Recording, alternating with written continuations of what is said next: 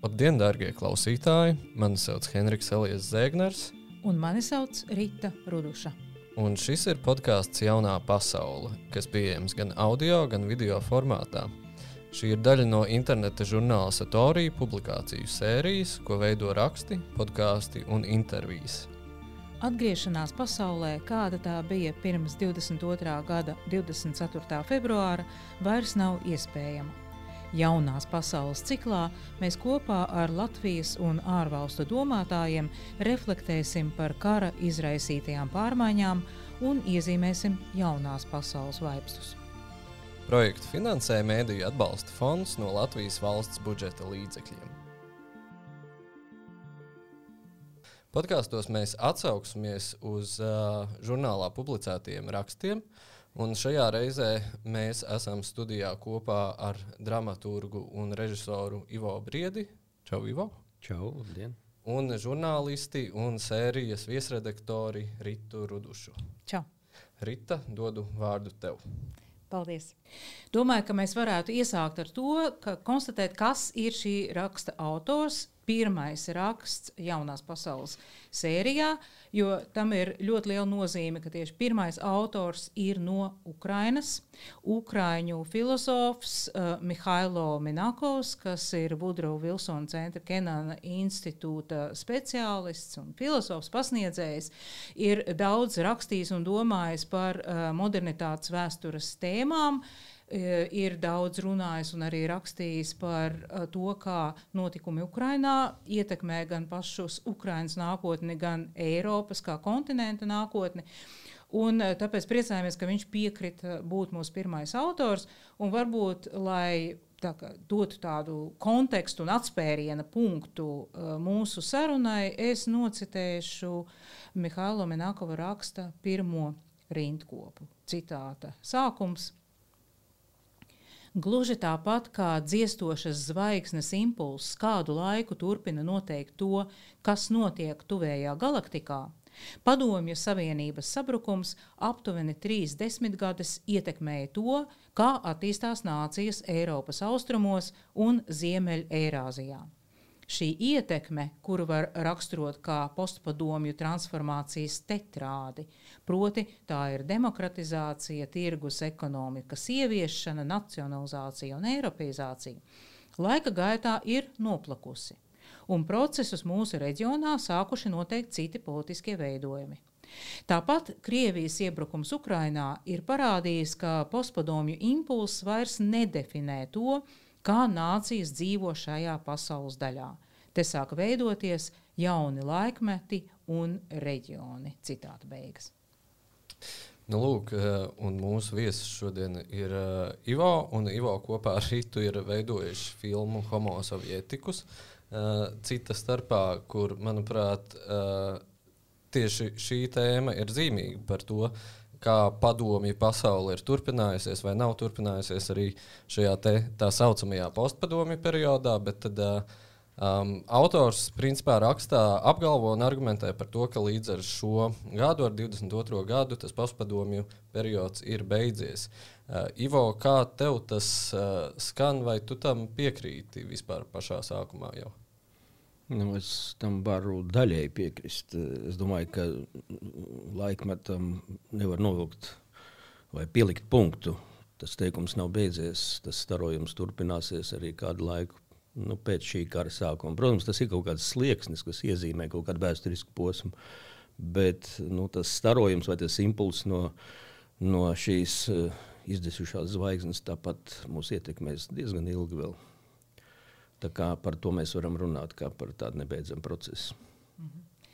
Bet tas, ko Mihālo uzsver savā rakstā, ka tās uh, transformācijas četras iezīmes, tā demokratizācija, tirgus ekonomikas ieviešana, nacionalizācija, eiropeizācija, ka to īstenoja, ievies tos procesus, virzīja cilvēki ar, kā viņš to formulē, ar padomju laiku, traumām un pieredzi.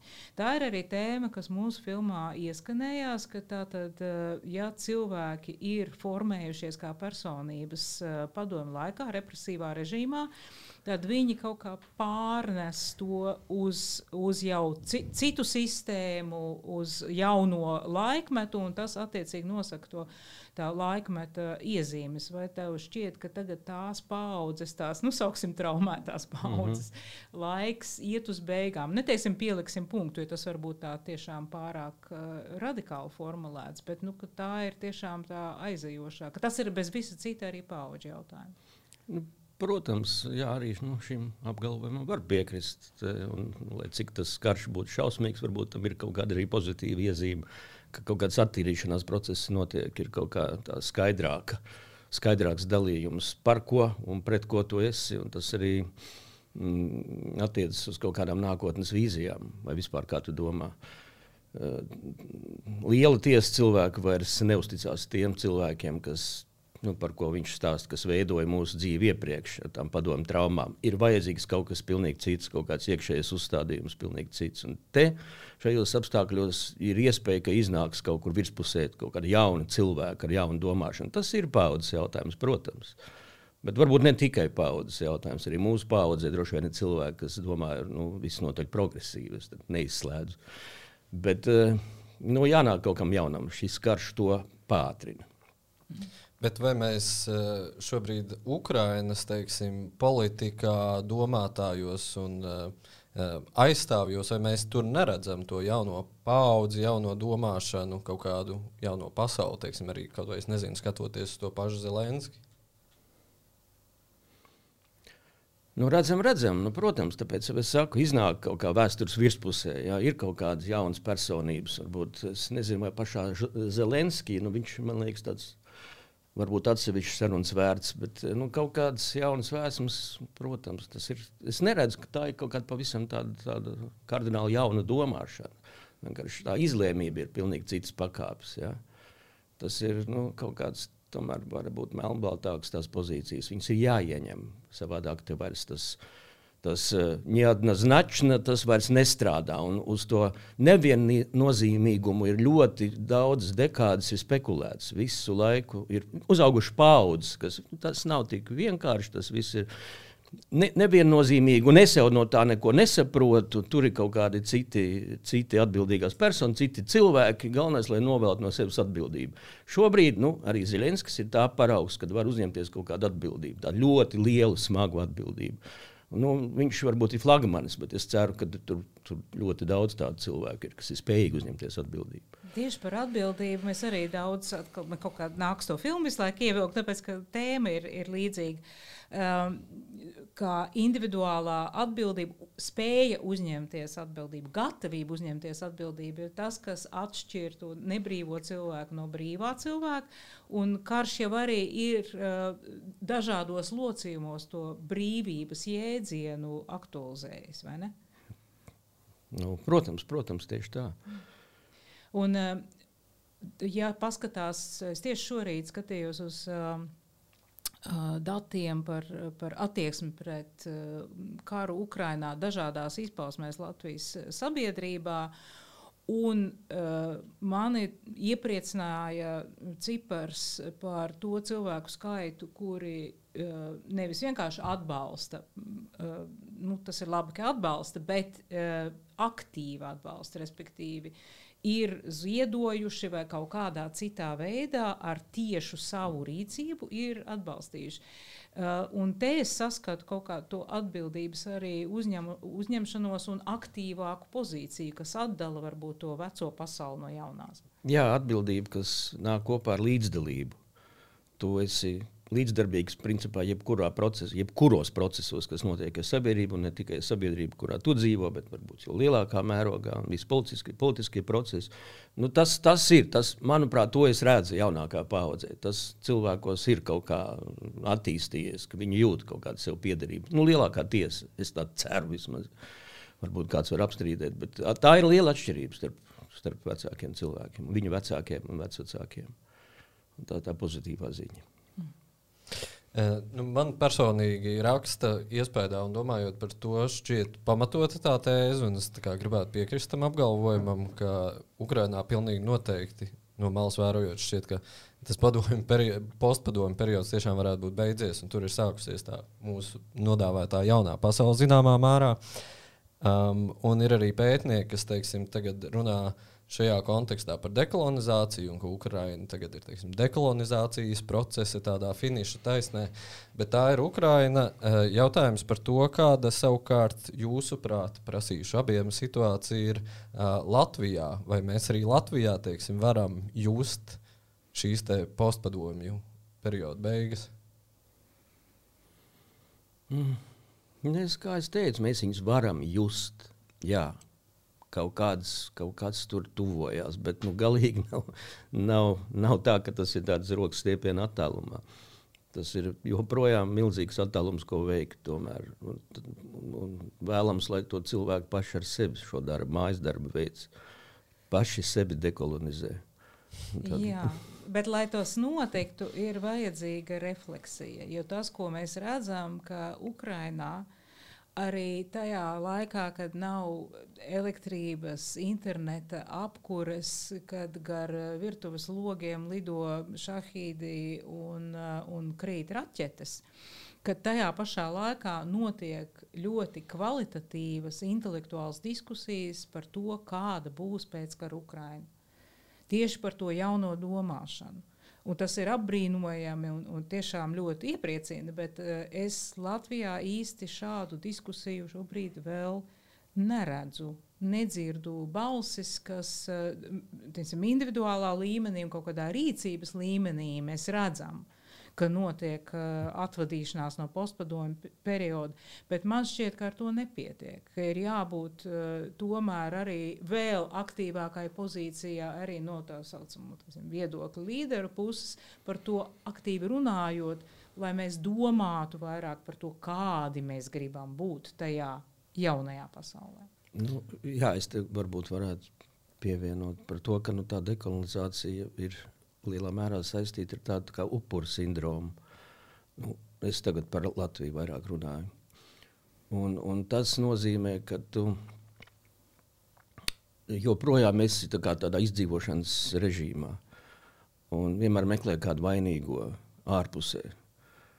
Un tas noved pie tādas norobežošanās, ko es joprojām redzu sabiedrībā. Nevis uzvesties un domāt kā saimniekam, kas ir tagad beidzot dekolonizējies, dekolonizēts un var domāt par savu saimniecību, savešanu kārtībā, izmantojot vai ne tikai varbūt izmantojot šobrīd nav pareizais vārds, bet nu, tos resursus, ko vēsture mums ir piedāvājusi vērst mūsu valsts labā, eh, domāt tādā virzienā, nevis atkal kaut kāds uh, geto formātos, eh, norobežošanās un tā tālāk. Un tā tālāk. Šis process ir, manuprāt, par lēnu. Tas saimnieka domāšana nav vēl iekšā mūsu, mūsu genā. Viņi ir jā, nu, jāaudze no jauna. Bet kas varētu būt tie tīri praktiskie un reālie soļi, eh, kas būtu jāspēr tajā virzienā? Nu, es nezinu, vai mēs runājam par teiksim, pētnieku un tā saucamo intelektuāļu kaut kādām diskusijām, nezinu, eh, rakstiem, vienalga, vai mēs runājam par eh, to, ka mēs sagaidām to tieši no politiķiem, vai tas ir nezinu, katra cilvēka individuāls, un ko mēs varētu darīt eh, lietas labā. Nu, uzturēt dzīvu šo sarunu. Protams, mums, mums vajag tādus politiķus, bet politiķi no Marsa nenolaižās. Tas tomēr mums vajag sociumu tādu, kas rada tos politiķus. Visu laiku jābūt kaut kādam nu, sarunas tēmai par šo. Vienalga, kurā formātā, vai tas ir mākslas līdzekļiem, izteiksmes līdzekļiem pausts, vai tas ir eh, pētnieciski, zinātniskos darbos, vai tas ir politiskajā sfērā. Galvenais, lai par to vispār, lai, lai tas būtu gaisā. To es gribu pateikt. Un tas, manuprāt, šobrīd nav īsti. Šis saimnieks savā valstī nevis no tāda pilnīgi etno un nacionālistiskās pozīcijas, bet nu, saimnieks ir saimnieks. Tātad mēs gribam izveidot brīvu, uh, demokrātiska sabiedrība ar visiem izrietošiem priekšnoteikumiem. Nu, mēs uh, gribam dzīvot Pieņemot, ka mēs gribam, mēs, tas jau arī nav izpētīts, vai mēs gribam, vai ne? Arī tiesa. Vai mēs gribam dzīvot saskaņā ar satversmes pirmo pāntu, piemēram. Ja, ka mēs esam neatkarīgi demokrātiski republika, kas šķiet elementāri. Un, uh, mēs par to ikdienā nepiedomājam, bet no tā ļoti daudz kas izriet. Ja? Un, uh, es teiktu, tavā jautājumā bija tie vai. Man šķiet, ka vai ir lieki. Mm. Kā jau Vivo teica, katrā nozarē ir savi līderi, un, un tai sarunai vajadzētu notikt uh, tiešām gan, gan kino, gan mums šeit podkāstos, uh, gan citur. Un radošajā sfērā tu to arī neredzi, Ivo. Nu, teiksim, uh, tajā pašā teātrī. Un... Nē, nu, es redzu kaut kur. Nav tā, ka neredzu. Es redzu, protams, ir tur arī visādas tendences. Nu, tas ir spogulis sabiedrības. Bet varbūt uh, Vienmēr var vēlēties vairāk, vai, vai, vai varbūt atsaucību, varbūt jā, var vēlēties to, ka šāda veida darbi gūtu lielāku atsaucību skatītāju vidū. Nu, to es skatītāju jau iet uz, nu, kas, tā ir mērauklis, ko viņi iet, tā, tā, tas ir vajadzīgs pieprasījums, nosaka arī piedāvājumu. Un, un, nu, tur tas ir tāds audzināšanas process arī. Mēs no tā nekādīgi nevaram izbēgt. Ja? Nu, tas ir diskusija ar, ar vēlētājiem, tiem pašiem. Tas Spēlētājs ir tas pats apmeklētājs teātrī vai kinozālē. Tas ir tieši tā, tā, tas pats cilvēks. Bet tu saki, ka tu redzi radošajā nu, teātrī, kino vienalga kaut kādas, vai tu vari nosaukt kādu, tavuprāt, labu piemēru, kas ir reflektējis par vispār šo domu laiku, kas ir pēdējā laikā parādījies, kas tev nāk prātā? Ne, nu, ļoti nu, sociāli un politiski orientēti režisori. Nu, tur, vienalga, tur Burāne, piemēram, Krista vai Walters Arsīlis vienmēr ir bijis ļoti sociāli orientēts un aktīvs. Nu, vairāks, nu, kai, tas pats Kairišs. Nu, varam vēl tur minēt. Tas viss jau ir. Tas nav tā, ka nekā mums nebūtu. Nu, galīgi nemaz tā nevar apgalvot. Protams, nu, es, cik tas ir populāri tautā, tas ir tas jautājums ko mēs ar to varam darīt. Ja tas nebūs populāri, tad varbūt tādu varbūt finansējumu šādu darbu nevarēs dabūt. Tas nu, nav tik viegli. Tie jautājumi jārisina. Nu jā, es domāju, ka laikmatīgās mākslas centrs ļoti konsekventi strādā ar dekolonizācijas tēmu. Bet, eh, ja pateiksim, teiksim, tagad skaļi, es nezinu, cik daudzi, eh, nu, varbūt eh, Satorija podkāstu klausītāji zinās, bet teicim, tādā plašākā sabiedrībā, ka vispār arī tieši šobrīd ir, ir izstāde, ja, kas ir veltīta tēmai, ka tas notiek tādā, tādā nišā. Um, un, un gribētos tomēr, lai tā saruna iziet plašumā, un tas nozīmē cita starpā arī meklēt jaunus izteiksmes līdzekļus tai sarunai. Arī tiesa, un ne, varbūt tieši arī pievienojot uh, tēzi šai tēzē, ka uh, rodas iespējas bieži vien, ka mēs reflektējam par kaut kādu pagātni, bet īstenībā šis ir vizionārs darbs. Šis būvniecības vai jaunās perspektīvas, tas ir tieši tas, mums ir jārunā par to, kā, ko mēs no sevis un no šīs valsts varam izveidot, no šīs sabiedrības. Tas ir ārkārtīgi, manuprāt, interesants darbs ar ko varētu uzrunāt arī lielākas masas. Varbūt, nu, ja kādam tas būtu par ieteikumu, tad varbūt tajā virzienā es ieteiktu arī māksliniekiem domāt, kā uzbūvēt šarmantas vīzijas plašākā sabiedrības griezumā, lai cilvēki nāk un ar to aizraujas. Nu jā, mēs pagājušajā gadā ar Rītu uh, taisījām podkāstu un notikumu sēriju. Uh, balso par kultūru, uh, pirms vēlēšanām par kultūru politiku, un arī tur mēs. Haidī, mēs atkal esam tepat pie tā, ka tā vizionārisma vienkārši trūkst, un mēs viņu ļoti maz kaut kā redzam un pieklusināti redzam. Jā. Bet um, uh, Mihailo rakstā runā par uh, vēsturi kā kontinuitāšu un cezūru kombināciju, respektīvi, ir šie lūzuma punkti.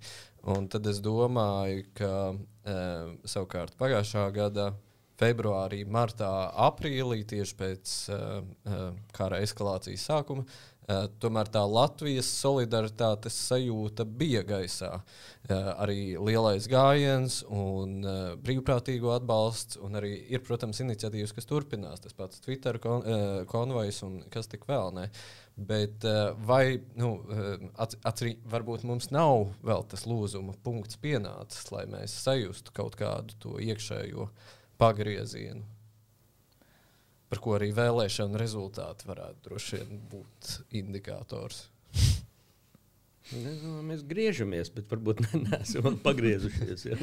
jā, lē- lēns, tas ir eh, lēns process. Jā, mums nav vēl uguns pakulās. Nu, ir jācer, ka ir iespējams to uguni pakulās uh, sajust arī uh, bez vardarbīgiem notikumiem. Tā gribētos cerēt. Um, atcaucoties vēl mazliet uz uh, minēto filmu, uh, jautājums par to, cik lielā mērā jūsuprāt padomju domāšana ir iemesls šobrīd notiekošajam Ukrajinā. uh, Bet ar tādu piebildu, vai vispār jēdziens padomju domāšana ir uh, īstais, ko lietot šajā kontekstā? Es domāju, noteikti, ka ir īstais, ko lietot. Jā, tur ir noteikti padomu domāšanas nospiedums tajā visā. Varbūt ne tikai. Bet eh, nu, padomu, tas saucamais padomu cilvēks vai homosevietikus, tas jau nav tāds viendabīgs, kaut kāds ļoti tā, arī mainīgs radījums. Un arī tam ir ļoti interesanta biogrāfija, kā viņš ir izaudzis līdz tam postpadomu cilvēkam, kas īstenībā ir šobrīd tas visciniskākais no visiem paveidiem. Cilvēks, kurš ir ļoti labi informēts par to, kas notiek pa pasaulē. Ja viņš gribētu būt informēts, viņš būtu ļoti labi informēts, bet viņš izvēlās nebūt informētam. Viņš grib dzīvot tajā pasaulītē, ko tādā burbulī, kas viņam ir ērts. Tātad ārpus burbuļa ir ienaidnieki, un es esmu cietējis, kurš uh, ir, ir īstenībā pelnījis valdīt pār pasauli apmēram tā. Padomu domāšanas sekas tās ir, bet, protams, tās jau ir kaut kādas tādas hibrīdas, jā, kaut kādas mutācijas, kas ir izveidojusies no padomu cilvēka. Bet tas, kas ir eh, galvā tam šodienas uh, posthomosovietikus, uh, izskatās daudz biedējošāk nekā tas, kāds bija homosovietikus sabrūkot padomu savienībai? Šis ir visbriesmīgākais no visiem. Tieši dēļ tā, ka tā ir viņa personiska, personīga izvēle būt tādam. Padomu laikos jau tomēr mēs vairāk vai mazāk dzīvojam tādā konservu buļģā. Mums tiešām tā informācija ienāca tikai baumu līmenī, kaut kādā nu, ļoti limitētos daudzumos. Šobrīd tā nu, galīgi nav. Arī šobrīd ir valstī, ja mēs par Krieviju runājam, robežas joprojām ir vaļā.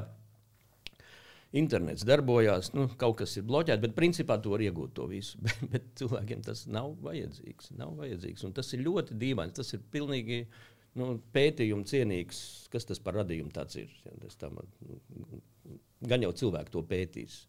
Mhm. Arī agresijas ziņā, ka agresija, arī agresivitāte bija raksturīga homosovietikus. Arī mūsu filmā intervētais eh, Ļevs Gutkovs eh, to teica un uzsvēra kā vienu no pazīmēm, ja, ka tev ir obligāti jābūt ienaidniekam. Un tu esi uh, pret viņu noskaņos diezgan agresīvi. Bet tagad šī agresija jau ir pacelta tādā bezmaz eh, reliģijas formā. Jā, tā ir. Par to jau ir arī daudz labi rakstnieki rakstījuši, ka šis ir laiks, kas pēc padomu laiks, tas postsovietu laiks, kā reiz ir radījis dīvainā kārtā šo monstru. Tas Rokins ir ļoti daudz par to rakstījis. Un, un domājis, ka dīvainā kārtā ir radījies monstrs, kas, ir, kas nebija iedomājies pat tajos drūmajos padomu laikos. Skarbi. Skarbi. Bet uh, varbūt mēs varam uh, sameklēt kaut ko mazliet cerīgāku caur jautājumu. Um, piekrū, pie, piekrītot vai nepiekrītot raksta autoram, vai varbūt pat par to nedomājot, uh, kas jūsuprāt ar karu ir beidzies? Vai ir kaut kas, kas tiešām ir pā- pārtraucis eksistēt? Uh, es nezinu, no vienas puses var domāt arī par to, ka ir beigusies zināmā mērā uzticība tā, sauktami, uh, tā sauktajiem rietumiem, kā tādam demokrātijas bastionam. Uh, Jā, varbūt arī tas ir tāda tendence noteikti, jā, ka tas nav tāds simtprocentīgs atbalsts, kur mēs varam vienmēr pasmelties vai kaut kur padomu pa, pa, palūgt. Bet eh, nu, man liekas, ir arī zudusi ilūzija par to austrumu impērijas varenību. Ja? Tiešām, kā vienmēr ir bijis, tas vienmēr visiem. Mm, Varbūt pat ir teicis, ka tā gan padomu laikā tā bija impērija uz māla kājām, gan arī šobrīd šī impērija ir uz māla kājām. Bet kaut kā Viņiem ir tik labs pijārs, ka viņi bija aizmālējuši acis visai pasaulē, ka nekāda māla kāja nav. Tas ir beigās betona kolonas. Un, un, un šī ilūzija, manuprāt, arī izgaist, ka tas ir kaut kas šausmīgi varants un ne, neuzvarams. Varbūt tā lielā cerība par to visu, tāpēc tomēr es to optimismu kaut kādā gribu sameklēt, ka varbūt tiešām mēs esam uz tās liekšņa, ka tas impērija, šīs austrumu despotijas laiks būs, būs beidzies, kas mūsu platuma grādos sākās. Nu, es tā liešu tur ar Novgorodas uh, sakaušanu ar, ar Ivanu Bargā. Novgorodas iznīcināšanu. Kopš tā laika, principā, despotija mums ir kaimiņos bijusi visu laiku. Tik milzīga cerība, ka tas varētu beigties beidzot. Un tad tikai var atkal tas vizionārs skatījumā var tikai priecāties, ka varbūt šī pasaules daļa beidzot varēs kaut kā uzplaukt. Protams, tā tāda daudz varētu nosaukt par naivu cerību, bet nu, kāpēc ne? Viss sākumā šķiet naivs. Nu, tad uh, arī tas burbulis ir kaut kā pārsprādzis. Jo šķiet, ka arī to cilvēku vidū, kuri varbūt nebija homosovietikus vai postpadomju domāšanai pakļauti, tomēr tas uh, Krievijas varenības tēls eksistē. Jā, teiksim, nu, jā, nu, mums ir jāpieņem, ka, ka, ka, ka Krievija ir varena, ka, ka no Krievijas ir jābaidās, un tagad izskatās, ka Nu, jā, jā. Nu, līdz galam jau arī tas nav kā, skaidrs. Lielai tiesai cilvēki joprojām tas liekas, tas austrums tas ir baigi, tur, tur ir nenormāli. Joprojām viss satrieks un tā ticība neizgaisa. Tā zvaigzne joprojām izstaro savu enerģiju, savu narā, narratīvo ziņu. Un, un, un cilvēki tam tic. Uh, Bet process ir sācies. Jā. Nu, bet nav tā, ka teiksim, pie tanka piesiets klozets pods varētu būt diezgan labs tāds, uh, šāviņš, kas to, to gaismu mazina. ne, protams, protams jā, tikai nu, daudziem tas neko nenozīmē. Nu, un... arī, arī varanā impērija ir, uh, arī varanā impērijai vajadzīga klozeta poda. Nu, jā, tur, jā. Tāds, tād, cilvēki, kas saka, nu, un vai tu pats neņemtu to podu, ja tev vajadzētu. Nu, vai tu pats nepaņemtu viļņu mašīnu. Ir arī tādas domāšanas cilvēki, nav retums. Ja tev būtu vāra, vai tu, tu, tu to varu neizmantot, tad tu neņirgātos par cilvēkiem. Ir arī tādi cilvēki, esmu sastapies. Nu, jo vairāk es uh, lasu, un jo vairāk es domāju uh, gada griezumā par to, uh, Un arī nu, teiksim, šajā brīdī, manuprāt, ir uh, pieejami visur, kur daž, dažādi tiešām samērā vērtīgi teksti par to, kas ir veidojis šo Krievijas politiku un rīcību un tā tālāk. Es vienalga sitos pret to, ka es nespēju Krieviju saprast, taisnību sakot. Vai jums no teiksim, refleksijas, no informācijas plūsmas ir kaut kas, kas jums ir aizķēries, kas jums palīdz uh, saprast Krieviju un to, kas tur notiek? Ir kāda tēze, kāds domātājs, kāds izteikums. Jūs arī gal galā filmu veidojot, piemēram, tur ceļojāt, runājāt ar cilvēkiem. Nē, nu, sarežģīts jautājums šis ir. No vienas puses, protams, arī ceļojot un filmējot, sastopot cilvēku, piemēram, Lievs Gutkovs. Tu saproti, ka nu, tur ir ārkārtīgi inteliģents un gudrības cilvēki, kas nemirkli nepārstāja strādāt un pētīt, un, un, un lai kādi ir apstākļi, viņš vienmēr paliks godīgs. Tā, tādu iespēju atstāt šādu cilvēku. Bet no otras puses, man piemēram, personīgi kaut kāds baigies apnikums interesēties par Krieviju. Es varu vienu brīdi saprast, man pat daudz tās Krievijas. Es gribu, tad jau labāk par, par kādu Nigēriju painteresēties, vienalga par kaut ko. Uh, ko es, par ko es neko nezinu. Man visu mūžu ir tāds, tas Krievijas narratīvs. Tas, visu mūžu es par to vien domāju. Nu, cik jā. var? Ja? Nu. es, jāsaka, man ir ļoti līdzīgas sajūtas. Es tagad vairs neatcerēšos, kuras lasīju uh, dzējoli, un neatcerēšos arī autoru, bet tēma bija par to, ka Krievija manā galvā. Nu, ka jā. Krievija ienāk manā galvā, manā dzīvē, un es negribu Krieviju ne manā galvā, ne man, es negribu katru dienu domāt par Puķinu un es negribu katru dienu mēģināt saprast dvēseli. Um, Nu, gribas dīvaini tos vārdus, tik tu dzirdēt vienu otru. Eh, jā, jā, nē, ne puķina dvēseli. Tur, tur par, to, par, to, par to gan es nedomāju. Um, bet, uh, jā, nu man ir, man šķita, ka es uh, saprotu varbūt vairāk nekā, nekā vidusmēra informācijas patērētājs. Es gal galā esmu Krievijā arī dzīvojusi pusotru gadu, kad es biju korespondente Maskavā. Laikrakstdienu korespondenti. Uh, bet, nu, tā, tie, protams, bija 90. un diezgan, uh, nu, tas bija cits laikmets atkal.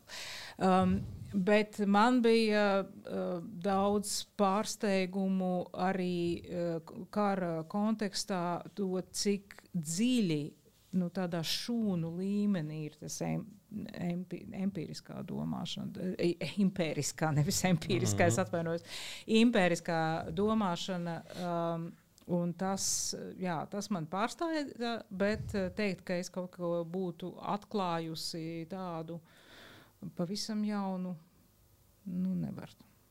Bet interesanti ir šis tas, īstenībā citāts ar prātu Krieviju nesaprast, Krievija var tikai ticēt.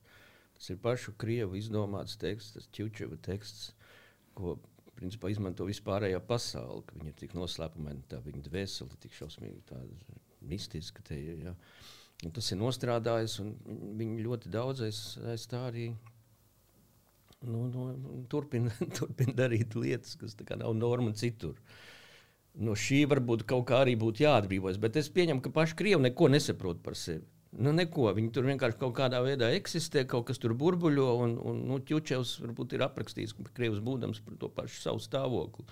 Ticēt tev, protams, tu vari, bet nu, tas nav, nu, nav nepareizais, kam tu tici? Ja? Nu, tur nekad, vienmēr tas jautājums ir. Es runāju par to, ka tas PR viņiem ir gan strādājis visus šos simtiem gadus ļoti labā līmenī.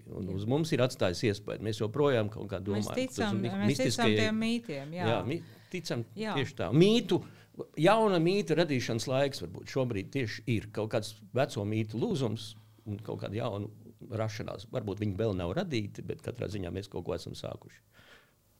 Jautājums, ko es uh, gribēju vēl uzdot, ko es iepriekš pieminēju, uh, par, uh, par Eiropu un par demokrātiju un par to, kas ir beidzies šajā sakarā. Arī raksta autors norāda konkrēti teiksim, jau uz Eiropas padome, Eiropas drošības sadarbības organizācija, kas principā šobrīd vairs nefunkcionē kā nākas, bet vai tā demokrātijas Eiropas uh, ideja, ticība tam, uh, kas it kā ir sakņojusies tā sauktajā vecajā Eiropā, vai tas, jūsuprāt, arī ir beidzies vai grasās beigties? Manā skatījumā nav beidzies. Projekts ir dzīves. Ir daudz problēmu, jā, varbūt smagnējība, kaut kāda birokratizācija. Bet tāpat no Eiropas Savienība, manuprāt, ir visprogresīvākā organizācija, kas planētas Zeme atrodas. Uh, tikai Eiropā ir risināmi kaut kādi lieli jautājumi nu, tiešām lielie tādi pats planētas izdzīvošanas jautājumi. Nekur, nevienā citā pasaules daļā. Par to var domāt visur citur.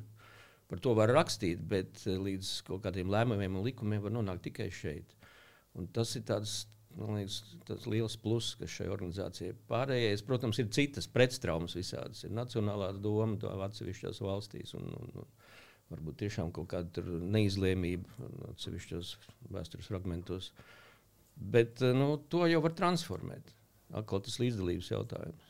Bet kā tev liekas, vai piemēram tā um, bērnišķīgā populisma slimība, ar ko mēs esam Jā. slimojuši um, individuāli un kolektīvi pēdējos gados, un kas vienbrīd šķita jau pārņemama uh, puspasauli, uh, vai tā ir dots trieciens? Nu, mēs paliksim Eiropā, teiksim, bet, bet Eiropā mēs redzēsim uh, tā populisma noriet vai gluži otrādi. Es par to esmu daudz domājis, bet man nav īsti atbildi.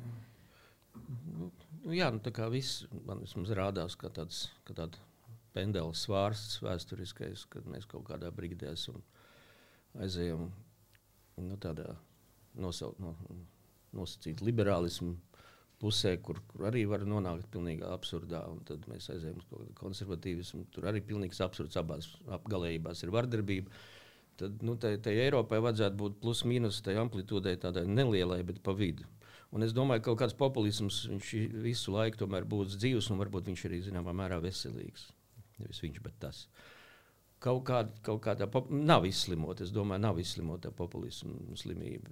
Kaut kāda precedenta joprojām būs. Bet ar to jau tomēr kaut kā tiek galā. Plus mīnus tomēr tiek. Nav tā, ka baigi traģiski iznākumi šobrīd. Mm -hmm. Bet, uh, vai jūs netracina, piemēram, arī nu, šo, teiksim, šajās nedēļās procesi par militārā atbalsta un palīdzības nodrošināšanu Ukrainai. Un es nezinu, teiksim, Ivars Ieps Rīgas laikā, man liekas, ik pa brīdim slēdzās labi, uh, nokritizē to Eiropas savukārt to gausumu un pasivitāti šobrīd kara situācijā. Vai tas, jā, kā jūs par to jūtaties? Tas ir Eiropas gausums. Jā. Nē, nu, tas ir ārkārtīgi kaitinoši. Nu, protams, nu, cilvēkam, kas interesējas un, un, un jūt līdzi Ukraiņai, nu, skaidrs, ka tas liekas pilnīgi nepieņemami. Bet nu, te, te atkal nu, nostrādā tas, tas princips, ka tomēr ir arī kaut kāda lemšana pašām tām valstīm, nevis vienai lielai organizācijai. Tas ir atkal kaut kāda nolikuma plus, tomēr ir kaut kas, kaut kāda lemtspējības nogrieznis vai, vai segments, kurā var pašas valsts rīkoties. Nu, ir, ir, tā, ir tā savienība tāda, nu, ko, ko nu, mainīs. Acīm redzot, šis ir neapmierinošs, tad, manuprāt, tomēr ir kaut kādi instrumenti, kā to labot.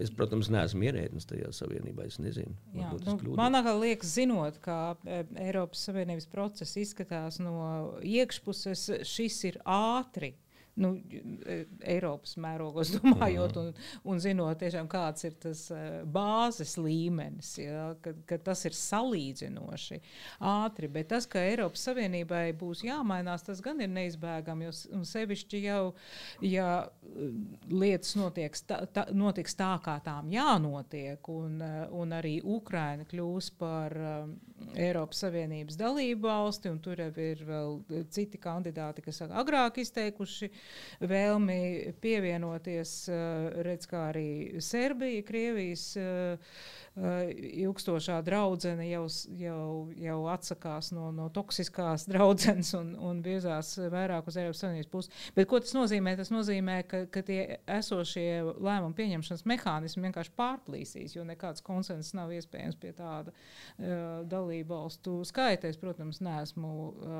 Eiropas politikas speciālists, par to jārunā ar, ar viņiem. Bet, eh, bet nu, tā sajūta ir tāda, ka, ka būs, būs arī, arī tam aparātam tomēr jāmainās. Jo šis, ir, šis jau ir bijis liels izaicinājums Eiropai, karš un palīdzība Ukrainai. Un tā, tā, kaut kas tur ir virzies uz priekšu, bet, bet eh, tiešām lēni, kaut arī ātrāk nekā varētu sagaidīt no Eiropas Savienības. Un varbūt ir izlēmības arī bijis vairāk eh, nekā no uh, Eiropas varētu sagaidīt. Bet nu, tas nāk nākamais, ja mēs skatāmies uz priekšu un uz to jauno pasauli, tur tiešām būtu jāmainās uh, iekšējiem mehānismiem. Ja vienkārši ienāks Ukraina, ļoti liela, potenciāli ietekmīga valsts, un, un savādāk būs jāpieņem lēmumi. Jā, un nacionāli orientētām valstīm ir arī nav. Tas nav, nav tāds viens ešalons, viendabīgs. Iedomājieties to pašu konfliktu, kas jau tagad ir Ungārija, Polija kas būs Ungārija, Ukraina, Polija. Ar, ar šausmīgu pašapziņu apveltītas nācijas. Un, un, un pilnīgi pretējos virzienos, vektoros dodas. Tur, tur var būt baigi, baigi jocīgi, protams. Kaut kas jauns būs jārada. Bet, nu, š, man liekas, Eiropā kādreiz ir tā iespēja kaut ko jaunu radīt. Mm -hmm ka vairs, nu, es tā vismaz ceru, atkal varbūt ļoti naivi, ka pēc tā otrā pasaules kara tomēr ir uzkāpuši uz tām sliedēm, ka darīsim visu, lai tikai nekarotu savā starpā. Nu, es ceru, ka mums tām sliedēm jau nu gan jāpaliek tomēr kaut kā, vai kas. Nu, arī tā orientācija uz cilvēku, tas, ko, manuprāt, un saka Ivo, vai tu piekrīti, tas, kur um, var, pēc kā var noteikt, Eiropa vai nav Eiropa, ir pēc tā, cik vērta ir cilvēka dzīvība. Un to nu gan karš ir ļoti izgaismojis. Nu, tas varbūt pat vispilgtāk, jā, tieši tā. Mhm. Mm. Jo mēs redzam, ko Ukraina dara, lai sargātu dzīvību Uh, Tostarp arī sargātu savus uh, karavīrus. Mēs skatāmies, kas tagad notiek, uh, kur Ukraina orientējas un pieprasa bruņojumu, kamēr Krievija mobilizē lielgabalu gaļu. Ja? Nu jā, tieši tā, precīzi. Laikam, uh, ievadot droši vien tādu fināla uh, daļu mūsu sarunā, es gribēju, es gatavojoties uh, šim podkāstam, noskatījos homosovietikus, tagad nu pats svaigām acīm. Un es gribēju izteikt tādu nelielu komentāru, ka man filmā vairāk elementi likās ļoti vērtīgi un ļoti patika. Bet no otras puses, tā filma, jāatzīst, man šķiet ļoti, ļoti nomācoša. Uh, bet uh, vēl cits faktors šajā visā ir tāds, ka es uz to skatoties, sapratu, ka es tomēr ar to nekādi nespēju identificēties. Kas man kaut kādā ziņā iepriecina, taisnība sakot. Bet es tā, tomēr redzu, ka tā filma ir visnotaļ uh, konkrēti taisīta no jūsu nu, principā, paudzes un tādas individuālas perspektīvas, kas, manuprāt, ir ļoti labs uh, veids, kā rīkoties uh, dokumentālajā kino. Bet es saprotu, ka manā paudzē, un, piemēram, esmu bijis vietās, kurās jūs esat šajā filmā, kur jūs viesojaties, un mana pieredze tur bijusi pilnīgi citādāka attiecībā ar cilvēkiem, ar ko es sastopos, ar uh, idejām, par kurām mēs, piemēram, runājam. Uh, Un tas man mazliet iepriecina, ka kā, e, varētu domāt, ka tā paudžu virzība iet labākā virzienā. Es teiktu tā. E, un tad ir jautājums e, par e, to, kā jūs jūtat, nezinu, e, jaunākās paudzes domātāju, e, arī žurnālistu, politiķu e, vidū, vai jūs redzat, ka ir kaut kas, e, tas pagrieziens tieši šādā e, dalījumā? Mm. Ja, nu, pirmkārt, filmas uzdevums, man liekas, galvenais uzdevums bija nu, kaut kā mm, ierosināt pašrefleksiju skatītājā un kaut kā pašam pāranalizēt, vai, mani, vai cik manī ir šī padomju cilvēka. Un, protams, es esmu priecīgs dzirdēt, ka varbūt visai maz ir. Un es ceru, ka tādu cilvēku būs daudz. Bet, nu, par to jautājumu, vai, vai, vai nu, cik tur redzat, piemēram, žurnālistikā, vai kur tad es labāk atdotu atbildes tiesības ritē. Es patiesībā es citas tavas tēzes gribētu atcerties. Nē, faktiski tās pašas, bet mazliet no, cita, no citas skatu punkta, ka tu saki, ka tu neredzi to un, un, un tie kontakti, kas tev ir tajās piešās vietās, kas ir filmā parādījušies, ir, ir citādi. Uh, Un tur es griezīšos atkal pie Ivo. Vai tev nešķiet, ka tas arī, tas, tas ka, piemēram, Henriks neredz to, ka tur ir arī kaut kāda bīstamība? ka nav uh, tas, ir, par ko filmā runā arī Boris Raišusters, ka, ka nav, mm. nav to sensoru, kas mm -hmm. atpazīst uh, uh, padomu domāšanu un šīs domāšanas uh, radītos draudus. Tas, ir, uh, tas varētu būt potenciāli arī bīstami. Mm, jā, nu, tas jau arī mūsu uzdevums. Nu, tomēr gan mākslas līdzekļiem, gan arī nu, žurnālistu darbs, nu, kā izgaismot lietas, kas varbūt ikdienā cilvēkiem savos burbuļos dzīvodami, viņi neredz vairāk tādas lietas, neievēro. Nu, šis, protams, tā ir bīstamība. Jā tas pats par sevi attīstās un, un, un var izaugt par kaut ko arī biedējošu un draudošu. Bet es atkal gribu savukārt uh, oponēt, jo um, es domāju, ka just jau uh, jūtam, un es domāju, ka es arī to uh, konkrēti jūtu arī caur to, ka, piemēram, savukārt tā padomju domāšana ir manas paudzes vecāku, uh, vai ne? Uh, um, domāšanas pamatā. Un mēs to esam jutuši augot, bet uh, um, vienkārši lūk, nu, uh, tas ir pazīstams, bet tās intereses un tās domāšanas kaut kāda tiecība tomēr iet citā virzienā. Cik es nu, sastopos? Man ir jāsaprot, paldies par precizējumu, bet uh, man ir bažas uh, par, par to, ka ir, ir vēlme mazliet romantizēt to padomju laikmetu un, un mākslā, jo īpaši. Um, ja, ja nepiešķir kontekstu, respektīvi, mēs varam publicēt ārkārtīgi krāšņus uh, fotoalbumus ar izteiksmīgām melnbaltām fotografijām, kur ir uh, mazpazīstami Uh, fotogrāfi celti gaismā, tādi kā Gedzjons, bet ja mēs tam nepiešķiram to kopējo kontekstu, tad mēs riskējam um, radīt priekšstatu, nu, ka nebija jau patiesībā tur tik slikti, un ja pastāvēs, cik skaista fotografija un, un vispār viss ir brīnišķīgi. Ja, nu, es tagad, protams, pārspīlēju un banalizēju tīšām, bet, bet man, man liekas, ka tieši, jā, tieši mākslā un daļēji arī uh, žurnālistikā, kur iezogas kaut kādas tās, tās nostalģiskās notis, kuras joprojām ir. Kaut arī mēs esam uh, sākuši spērt soļus tajā jaunā laikmeta virzienā, tomēr tas joprojām parādās.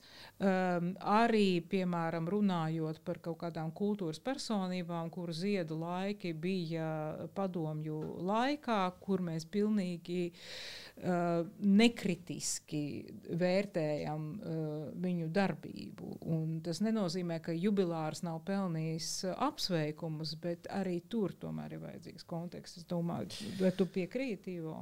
Mm, nē, nē, nu skaidrs, jā. Nu, tas, ka varbūt nejūt arī tavu paudzi, tas man liekas ļoti, ļoti labi. Tātad tas ir tas pamata vektors, uz kurā vispār virzās sabiedrība. Man vienkārši liekas, ka nedrīkst ignorēt to alternatīvu, ar ko bieži vien visādi populisti mm, strādā, ko izmanto savā labā. Ar visiem šiem mm, saukļiem par vienlīdzību, brālību un tā tālāk, ko daudziem cilvēkiem, kas liekas ļoti šarmanti, pievilcīgi, bet un, un, un vienmēr ar referenci uz pagātni, kā piemēram bija Padomu Savienībā, izlaižot to aspektu, ka principā bija vērgi cilvēki. Uh, Nu, vienkārši to vajag atgādināt. Arī lielās padomu laika personības būtībā bija vergi. Mm. Lai arī viņi dzīvoja visai privileģētu dzīvi, salīdzinoši pārējo populāciju. Tik un tā vergi. Varbūt viņu lielums bija pel, pelnījis daudz lielāku atpazīstamību gan pasaulē, gan visur citur. Un par to kaut kā mēs nedomājam. Viņa jau ko, ko lielās personības, mēs viņus tur. Tās visas ir padomu laika lielās personības. Tas ir ārkārtīgi relatīvi. Mūsu, mūsu pasaule bija maziņa.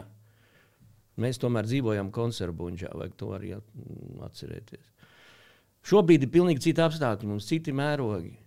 Jādomā savādāk, mēs ar to sākām. Jābūt ambicioziem, jābūt zemniekiem savā zemē, lai cik tas atkal šabloniski neizklausītos, un zemniekiem pašiem par savām domām. Es jau tādā reklāmas saukļos sāku runāt. Bet, nu. bet, nu, nē, nu, tiešām bet tā arī ir. Un tās lielās personības ir lielas arī eh, kontinenta mērogā, mm. arī transatlantiskā mērogā, un tad, eh, tad ir cits vēriens. Man intuitīvi šķiet, ka es varbūt neteiktu, ka tas ir vizionārisms, bet tomēr kaut kas uh, tāds pareizi vērtīgs šķiet, piemēram, Uh, nu jā, tieši tādos dekolonizācijas diskursos, kas caur uh, pētniekiem patiesībā ir ienākuši nezinu, manā domāšanā pēdējā laikā, skatīt tieši padomju, padomju periodu koloniālismu. Uh, um, vēsturi un atcaucoties to, ko tu teici, tad es domāju, ka varbūt tā ir daļa no tā procesa, ka mēs, nezinu, piemēram, tādu montu kromu, ja mēs runājam lokālā līmenī, ka mēs tagad veltam viņai tur, uh, kā uh, mūsu literatūras zinātnieki ir darījuši veselu notikumu sēriju un arī akadēmiski kārtīgi izpētam. Vai ja mēs pētam padomju arhitektūru, piemēram, un līdz mielēm, nu tā teikt, kārtīgi viņu apskatam un darām to tiešām akadēmiskā līmenī. Un, no turienes ņemam kaut kādas atziņas, kuras integrējam attiecīgi arī pilsoniskā un politiskā mm. domāšanā. Jā, es, li, es liktu cerības uz to, bet uz ko jūs liekat cerības? Šobrīd Eiropā. Pasaulē. Eiropā nu gan atvēzējies. Speciālists. Saki tagad, Ivo, uz ko tu liec cerības Eiropā? Liek cerības uz to, ka visu laiku būs ko darīt un par ko domāt. Un, ka nevajadzēs ieslīgt kaut kādā pašapmierinātībā. Kaut kāda jauna visu laiku. Nu, kaut kādas grupas ar citu cilvēku grupas visu laiku ir kaut kāda radoša procesa, ka tu iepazīsti jau, no jauna gan savu sabiedrību, gan plašāku pasauli. tas ir man personiski tas, kas šķiet, kas dod uh, interesi dzīvot tālāk un, un cerību, ka viss būs interesanti un arī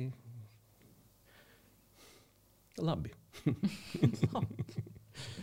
Interesanti, varbūt arī slikti. Jā. Vērtīgi un grūti. Varbūt, jā. Vērtīgi un grūti. Jā. Tu uz mani skaties? Jā, es domāju, principā, vai tev ir kāda fināla replika vai jautājums. Jā, mēs uh, diezgan plašu lauku aptvērām, un, un daudz kas bija ar mīnuszīmi. Bet es gribētu pievienoties Ivo optimismam uh, par tiem eiropiešiem. Un es domāju, tas, kas šobrīd notiek, kas ir šaušalīgi un traģiski, un, bet mums ir atgādinājis, kas ir Eiropa, par ko ir stāsts. Un uh, tas ir labi. Nu, labi. Paldies, Ivo. Paldies, Rita. Uh, Paldies, Henrika. es gribētu droši vien noslēgt ar to, ka uh, sākot šo te jaunās pasaules uh, ciklu, uh, man lielākā cerība ir, ka jaunajā pasaulē pirmkārt karš beigsies pēc iespējas ātrāk. Lieku reizi izmantosim iespēju nosūtīt Putinu pie Melna. Paldies jums, klausītāji un skatītāji. Uh, lasiet rakstus, uh, runājiet viens ar otru. Jā, līdz nākamajai reizei. Visu labu! Paldies!